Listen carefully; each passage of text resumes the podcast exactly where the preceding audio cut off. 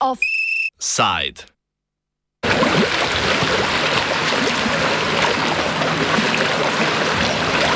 Izola, loka, naftna destinacija.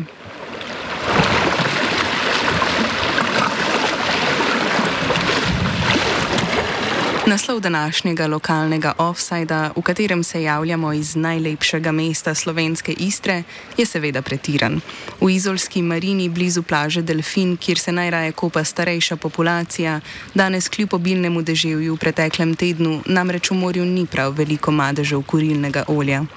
Od maja smo v medijih brali ogromno o zgodbi uhajanja kurilnega olja iz podzemne cisterne hotela Delfin, ki je v lasti Zveze društev upokojencev Slovenije. Iz medijskega poročanja je delovalo, kakor da bi v morje stekalo vseh 30 tisoč litrov kurilnega olja, kolikor v hotelu trdijo, da ga je uhajalo. Vendar to ni res. Večina olja je, kot je videti, poniknila in se pomešala z zemljo. Do morja v Marini olje tako pojaških za meteorne vode odplakne deževje. Vse tako je bilo maja, ko so slabega pol leta po decembrskem puščanju rezervarja situacijo končno vzeli resno. Dotedaj je namreč bila v odseku marine, kjer je bilo videti oljne madeže celo prvo polovico leta, res da ne vsak dan, le ena manjša baraža. V današnjem offsajdu tako skušamo realno oceniti, kakšna je ali bi lahko bila škoda.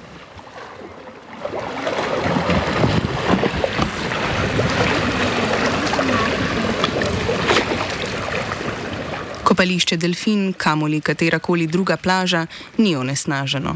Podatki Agencije za okolje, znane kot ARSO, kažejo, da je voda za kopanje neoporečna. Tudi turisti se za oljne madeže, kakih 300 metrov stran od plaže, ne zmenijo. Vse je v redu. Vse, vse je gut. Se ne pozna v glavnem. Ne, ne, Ne, ni motilo. gut, nič. neč, kaj bo motilo. A Pa drugače če ste- poštemalke bojo, če mi je všlo, je mi je všlo. Ne. Turistov je sicer manj kot pretekla leta, a tega ne moremo pripisati olju v morju. Na zadnje letos ni turističnih bonov, pa tudi vreme je bilo za kopanje zadnji teden bolj slabo.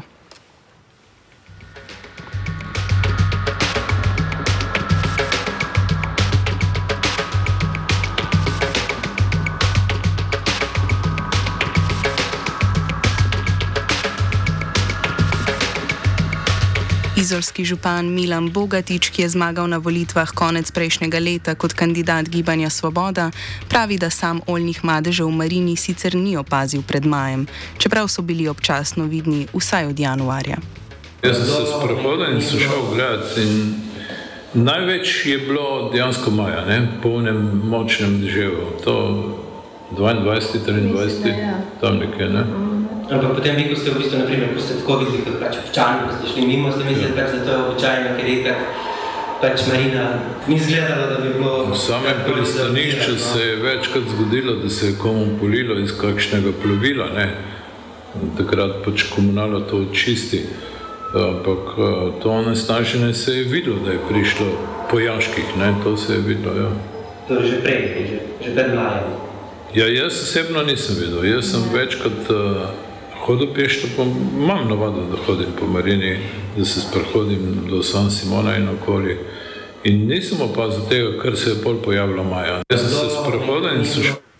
Zakaj pa ni priskočila na pomoč tudi civilna zaščita? Civilna zaš- zaščita se vključi takrat, ko pride do, nekega, do nekih posledic. Do tistih, ko je treba civilna zaščita reševati za to, kar so pristojni. To, kar se tu dogaja, ni v pristojnosti civilne zaščite. Ne gre za neko ogroženost prebivalcev, živali in tako naprej. Ni to naloga civilne zaščite, to je naloga inšpektorja, ki odredi, na kak način se bo to reševalo. To ni takšnega karakterja onesnaženja. Ne? In če gledamo, da je to onesnaženje na morju, imamo eno službo za varstvo obalnega morja, ki bi se v takih primerih vključili. In januarja, ko je bil prvi madež, ko se je to prvič pojavilo, so si to tudi ogledali in dejansko so opravili tisto, kar so v enem trenutku imeli. Ne? Oni dejansko samo čistijo, ko gre za onesnaženje na morju. Ne? Civilna zaščita v tem primeru uh, Torej ste, nima nekih nalog. Ne? Ampak ste torej, ne vem, ste recimo imeli ta scenarij tudi v igri na neki točki? Ne vem, Tak scenarij, tak scenarij bi po mojem bil, če bi prišel do takega razlitja, da bi bila velika količina prišla v Marino in bi se to razširilo po celem akvatoriju, se potem bi prišlo do nesnaženja in obale in verjetno tudi uh, neke ukrepe bi bilo treba izvajati. Čistiti bi po domače rekel, moral obalo. Jaz, jaz to ne vidim. Že konec decembra je bil pri hotelu Delfin inšpektor za okolje in energijo, ki je ugotovil kršitve uredbe o skladiščenju nevarnih tekočin v nepremičnih skladiščnih posodah.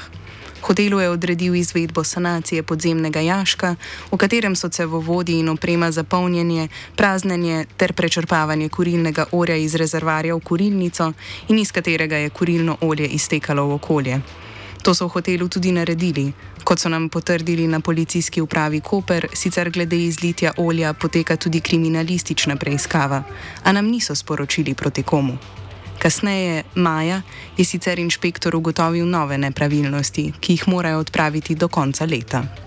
Oni so odredili ukrepe, ki jih eh, dejansko mora izvajati delfin, oziroma delfin jih uh, plačuje, izvajajo pa tisti, ki so strokovno zadolženi. Danes dopoledne je črpanje olja iz jaška, kar je sanacijski ukrep, izvajal študent oziroma dijak zaposlen prek študentske pogodbe. Direktor hotela Delfin Miloš Milivojevič. Tele je eh, tehnična naša služba, to se izvaja tele vrtenja.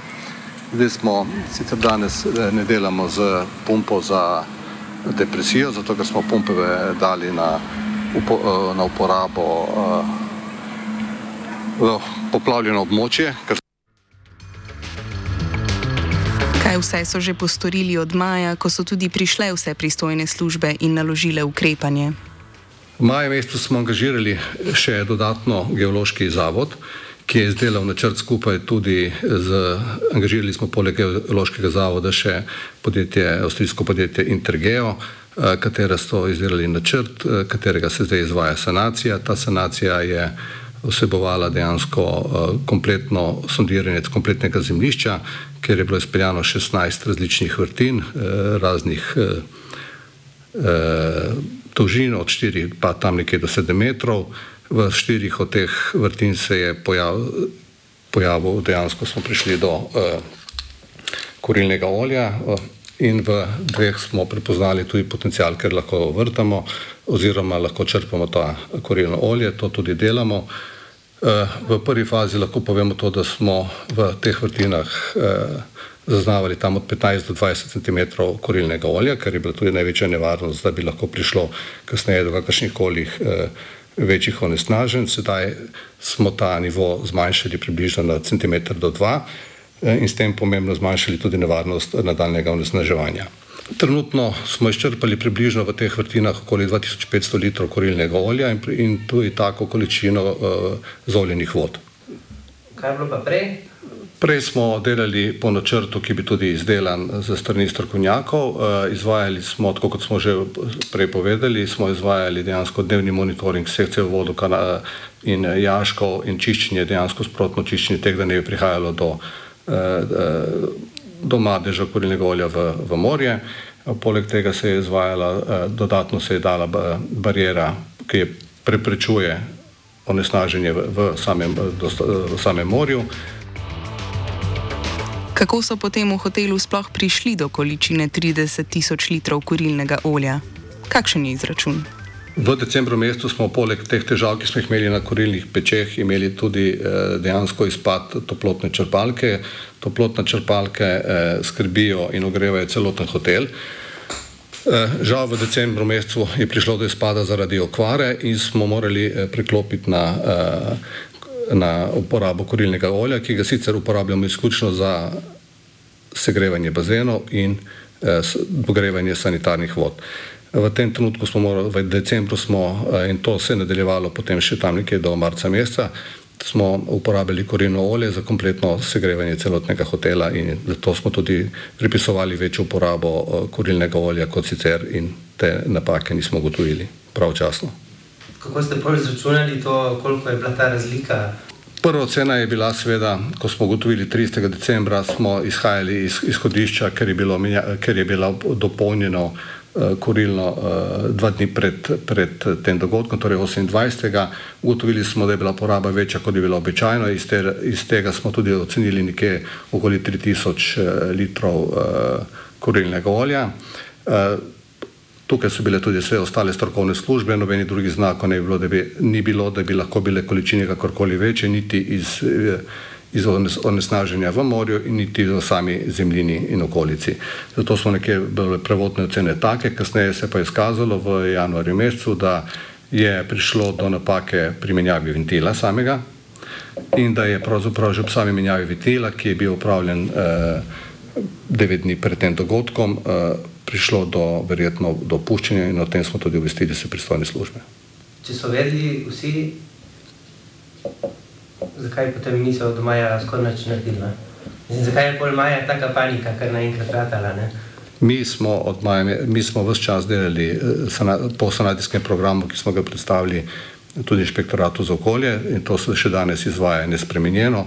Eh, lahko samo povemo, da dodatno, kar se izvaja v tem trenutku, je to, da smo odkrili te dodatne vrtine in se iz teh vrtin še dodatno uh, črpa. Vsi ostali ukrepi so ostali enaki in se tudi dan danes še izvajajo. Tukaj ste rekli, v začetku je bila cena ta 3000, potem pa 30 tisoč, kako ste pol do te številke prišli?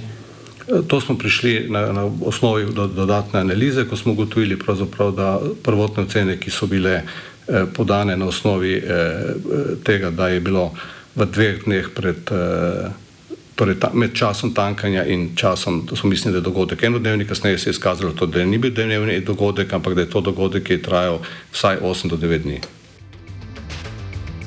Direktor podjetja, ki ima koncesijo za upravljanje izolske marine, ima nekoliko drugačno zgodbo. Vladimir Gauran.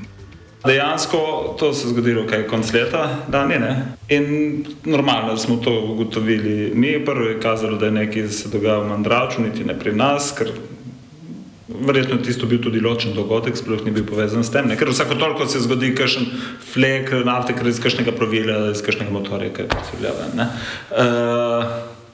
Potem se je videlo, da se tukaj nekaj pri nas dogaja in potem smo poklicali mi civilno zaščito in pravo za pomorstvo. Pa. Tako. In eh, so komunalno in potem se ugotovilo, da je, so prišli nekako do tega, da bi se nekaj dogajalo v hotelu Delfin. Prišel gor in svedel, da tam so pač rekli, fanti, jaz nisem bil prisoten, da si prišel tam in tako se smrljalo po nafti. Prvi prišel še policija in uh, direktor hotela Delfin je rekel prvo, da je to 50 litrov pas.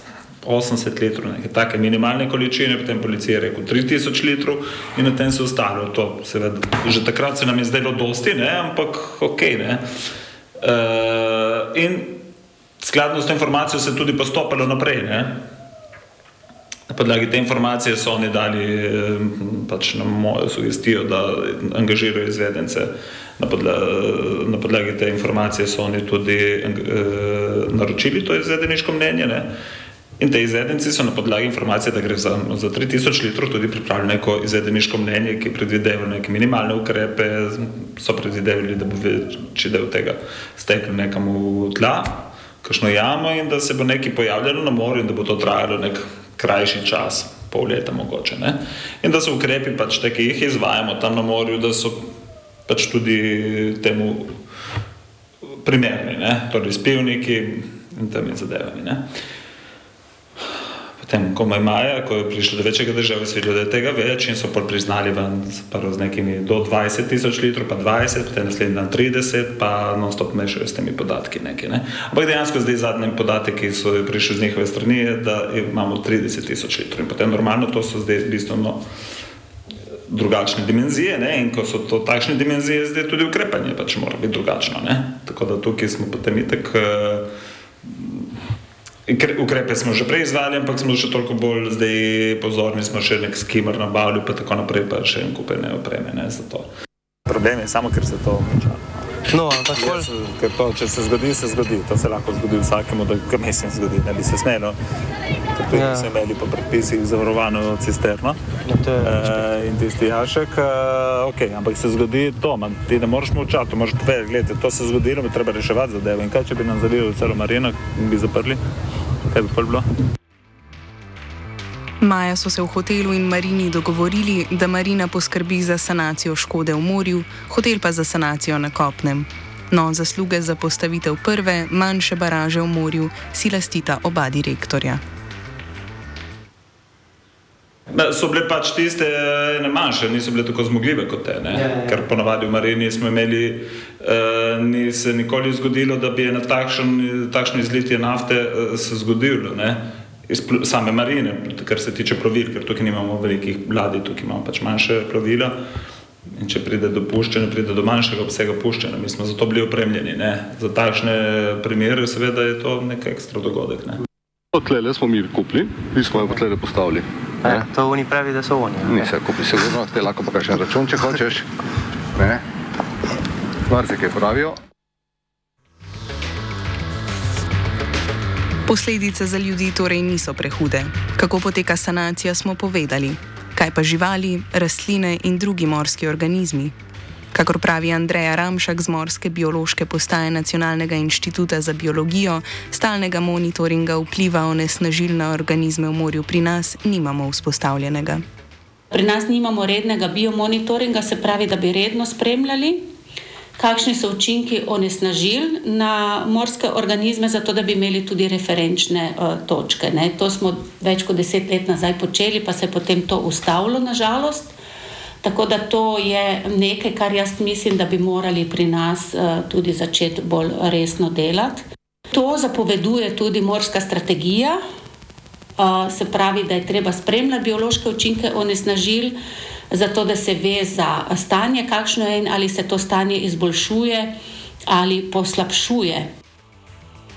Arso sicer beleži podatke o vsebnosti škodljivih snovi v morju na več postajah, nobeno od teh pa ni v naših marinah, ampak so denimo v rezervatih.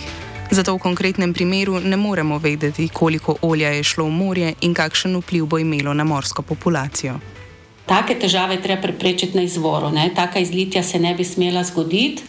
Zdaj, izlitje se je zgodilo, uh, če tudi je zamejeno, ne, uh, ima seveda uh, določen vpliv na, na okolje. Seveda v tem primeru očitno ta vpliv, vsaj domnevam, ne bo tako katastrofalen.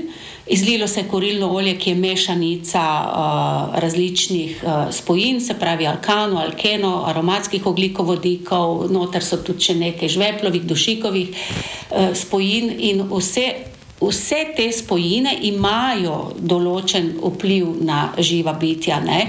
Zdaj, drugo vprašanje je, uh, ni tako enostavno tega vpliva uh, ugotoviti, oziroma kadar gre za, tak, za blažje onesnaženje, ne, je ta odziv lahko tudi tako majhen, da ga je dejansko težko detektirati. Uh, seveda pa na dolgi rok ne, tudi taka manjša izlitja lahko do, prinesejo k temu, da je okolje vedno bolj in bolj onesnaženo. Katere vrste najbolj trpijo? Med najbolj uh, takimi organizmi, ki jih uporabljamo za take namene, so uh, školjke, ki so filtratorji, ribe, lahko tudi alge. Uh, predvsem pa je konkretno tako onesnaženje, ne, se pravi z uh, nafto ali pa tudi zdaj v tem primeru korilno olje, taka onesnaženja so najbolj škodljiva za uh, larve, za ličinke, ki se nahajajo v planktonu, ne, to so zgodnji razvojni stadiji in uh, pri njih gre za tudi hitre delitve celic in ti, ti organizmi so najbolj. Ti življenjski stadiji so najbolj občutljivi ne? in to se potem pozna tudi na uh, kas, kasnejših generacijah. Ne? To se lahko tudi prenese na naslednjo generacijo. Kar nekaj je filtratorskih organizmov, ne? se pravi ti for, različni filtratorski organizmi, organizmi, ki filtrirajo hrano, kot so školjke, uh, ti bodo pač. Uh, Absorbirali ta onesnažila, se pravi, to razlito olje, koliko ga je pač prišlo v, v vodni stolpec, in bo ostalo v njih. Ne. Se pa lahko del tega onesnaženja, ne, če tudi so to manjše količine, se pa prenese v, v naslednji trofični nivo, se pravi v tiste živali, ki se z njimi hranijo. Ne. Najnevarnejši v naftnih derivatih so lahko policiklični aromatski oglikovodiki. Zakaj?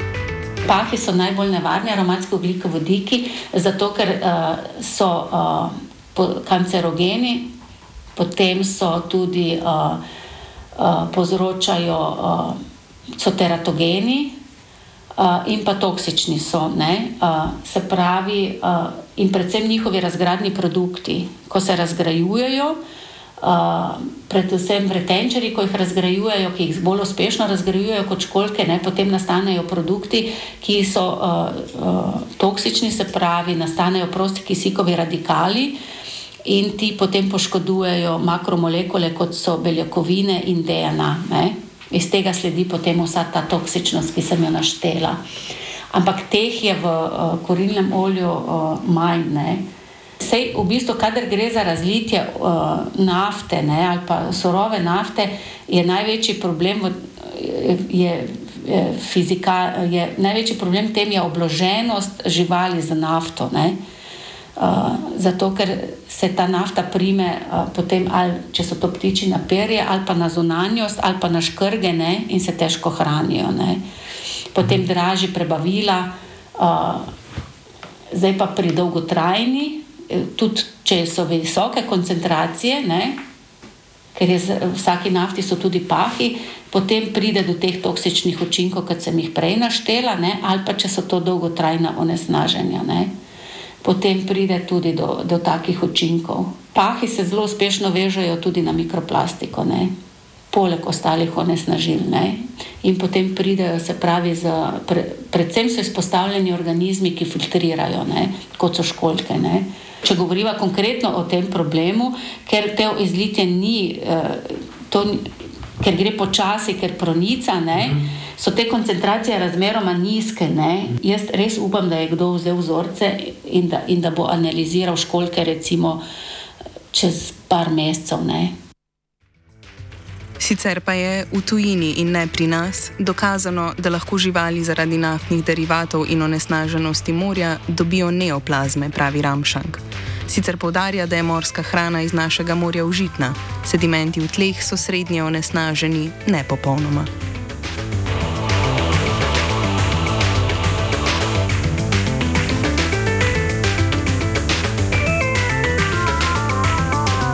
Jasno pa je tudi, da nobena marina nima kdo ve kako bogatega morskega habitata. Ne na zadnje v marinah barvajo, brusijo in perejo barke. V izolski marini so nam sicer zagotovili, da to počno po predpisih in nič ne steče v morje.